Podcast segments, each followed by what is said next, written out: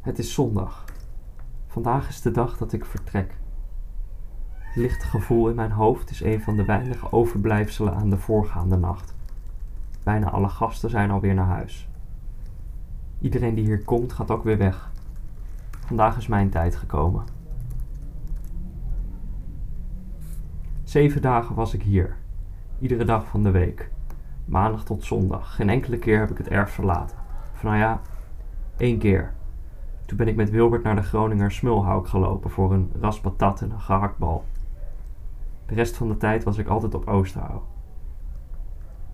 Ik was hier te gast, maar soms voelde ik me even als geen gast. Dan was het net alsof ik hier zelf woonde.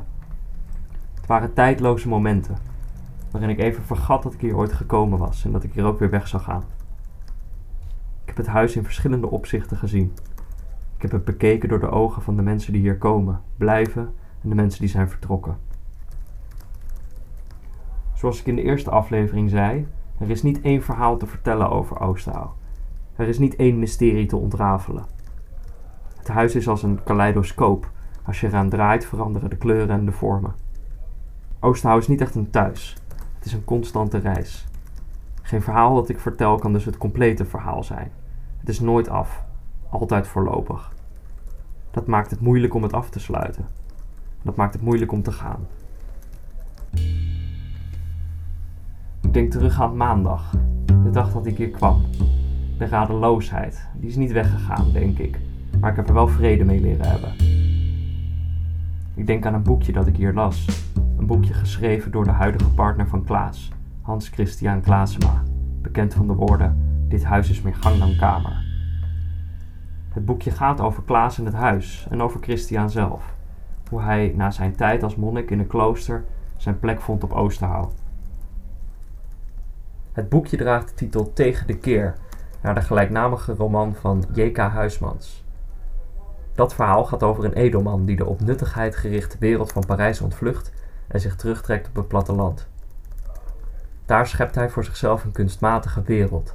Hij walgt van de realiteit en balanceert op de rand van krankzinnigheid. Wat Christian tegenstaat aan het verhaal is het al te decadente leven, de waanzin en het onvermijdelijke verval. Tussen de regels door trekt hij daar een parallel met zijn ontmoetingen met Oosterhouw en Klaas. Hoe krijg ik dit huis, hoe dit leven open, schrijft Christian. Ik ben op zoek naar licht en lucht na jaren van versterving in dit klooster. Nu bevind ik mij opnieuw midden in de pijn van iemand die bezig is te verdwijnen. Ook in het klooster waren de monniken verheven boven alles wat in de wereld gaande was. Het resultaat was geen blij en hoopvol leven. Moet ik nog een keer in de tijd terug, schrijft Christian. Ik verlang en zoek opnieuw naar de open houding die in mijn gedachten eigen is aan een monnik. Ik wil met alles dat ik heb geleerd juist nu het volle leven terug. Einde citaat. De toekomst van dit verhaal laat zich raden. Als Klaas een paar weken afwezig is op Oosterhouw, gooit de monnik een ruitje in. Als Klaas terugkomt, rookt de schoorsteen. Vanaf dat moment wonen de twee samen. En wat voor dit verhaal de toekomst is, is nu alweer het verleden. Want dat heb ik al verteld. Zij zijn hier vertrokken.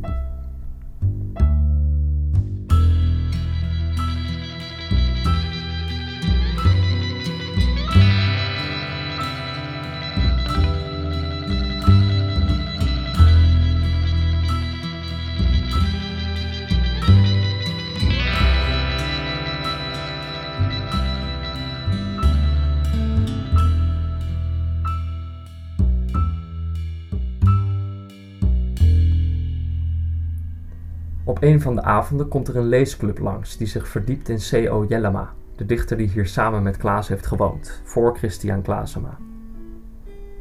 Ik zit in de oude keuken te werken als de leesclub binnenkomt lopen. Een paar van hen willen graag de authentieke AGA-oven zien. Wilbert is er niet die avond, dus leidt Laurens de leesgroep rond.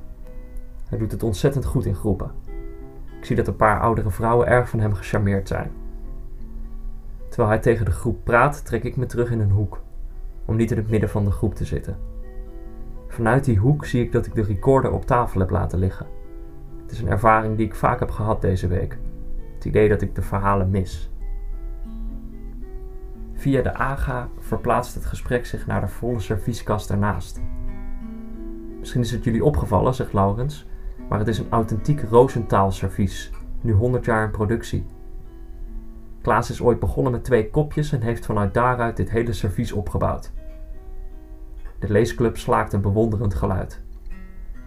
Het verhaal van Klaas is, zegt Laurens, dat hij er nooit een cent aan eigen geld in heeft geïnvesteerd.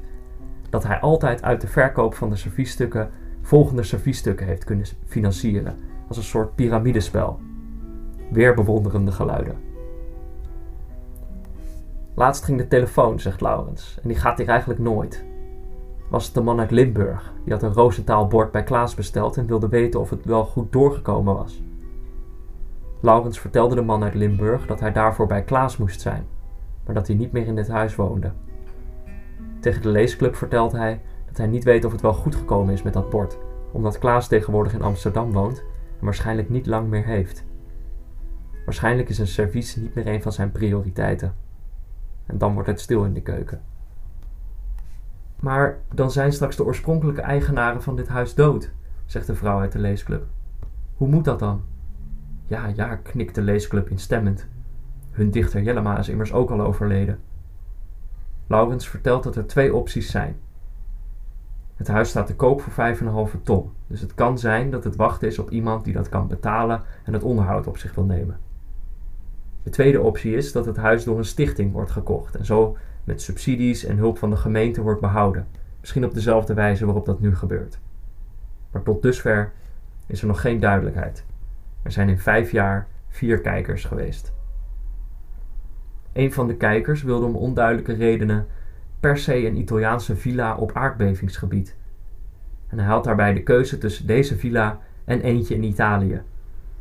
Hij heeft uiteindelijk gekozen voor het huis in Italië.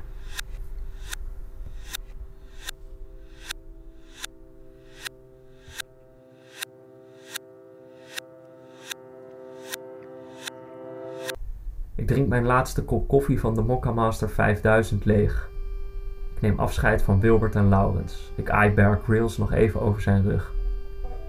Ik denk aan Jordi Lammers, een goede vriend van me, maar ook een goede dichter. Een paar maanden terug was hij hier om gedichten te schrijven.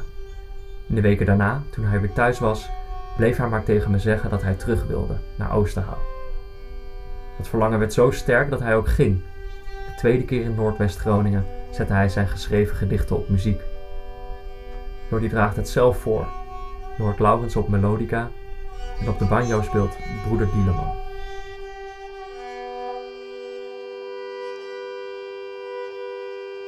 Dit blijft er over als je steeds verder doorloopt. Een stille stad, duizend lichten in de verte. Lagen we ooit zo bloot op de bergtop? Misschien ligt het aan je navel, aan mijn oor op je buik. Mijn koor kleine, eenzame geheimen in je rondzwemmen. Vissen die nog niet ontdekt zijn. Ik sluit mijn ogen. Duik naar de bodem van je lichaam. Naar een diepzee in een vissenkom. Nee, we hadden het bed nooit naar boven hoeven dragen.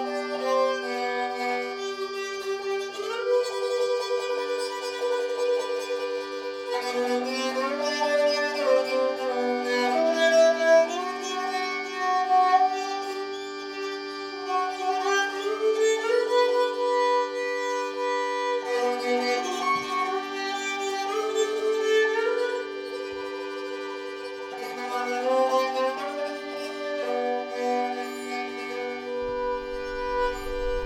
hadden de mensen die hier voor mij kwamen gelijk. Het is moeilijk om uit te leggen hoe het is om hier te zijn. Je moet er eigenlijk gewoon naartoe. Dus ik zou dat kunnen zeggen ter afsluiting.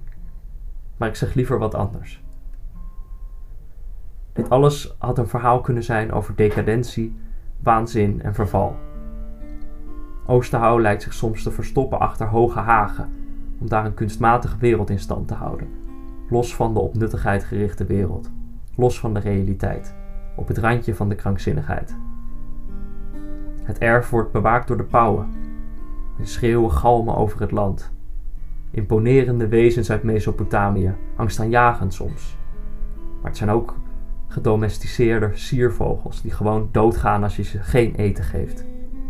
Wees niet te teleurgesteld als er elke dag één minder is. Maar als het huis zich opent, vind je zoveel meer. Een huis vol verhalen. Je vindt reizigers, bergbeklimmers, mensen die gaan zitten zo gauw ze het doel in zicht hebben. Ze komen er toch wel. Je vindt onweersbeestjes, een scammer uit India, een klusjesman die de wereld gaat rondzeilen op een Nordic volkboot. Je vindt de potloodstrepen van Klaas, nu hoge bomen en slingerende paden. Je vindt de man die het in ere houdt, een man die heeft leren kijken. Je vindt liefde en verdriet van de mensen die het achterlieten. Alles zo fragiel onder de dreiging van vandalen uit de buurt en het trillen van de grond. Je vindt Wilbert, een van de meest bijzondere jongens die ik ken. Iemand die erin slaagt de bewaarder te zijn van zo'n bizarre plek. De bewaker van zoveel verhalen en herinneringen waar de tijd op ligt te loeren. Breekbaar als een servies. Ik weet dat het hem niet altijd makkelijk afgaat, maar ik kan niemand bedenken die het zo goed zou doen als hij. Het was een eer om hier te zijn als zijn gast. Ik mis Oosterhouw wel eens nu ik er weg ben. Maar op mijn leeftijd heeft missen nog een andere betekenis. Ik leef in de veronderstelling dat ik altijd nog kan terugkeren als ik dat wil. Wat waarschijnlijk betekent dat het lang zal duren voordat ik dat daadwerkelijk doe. Bij het weggaan denk ik aan de mensen die hier weggingen voor mij. Sommige van hen komen hier misschien nooit meer.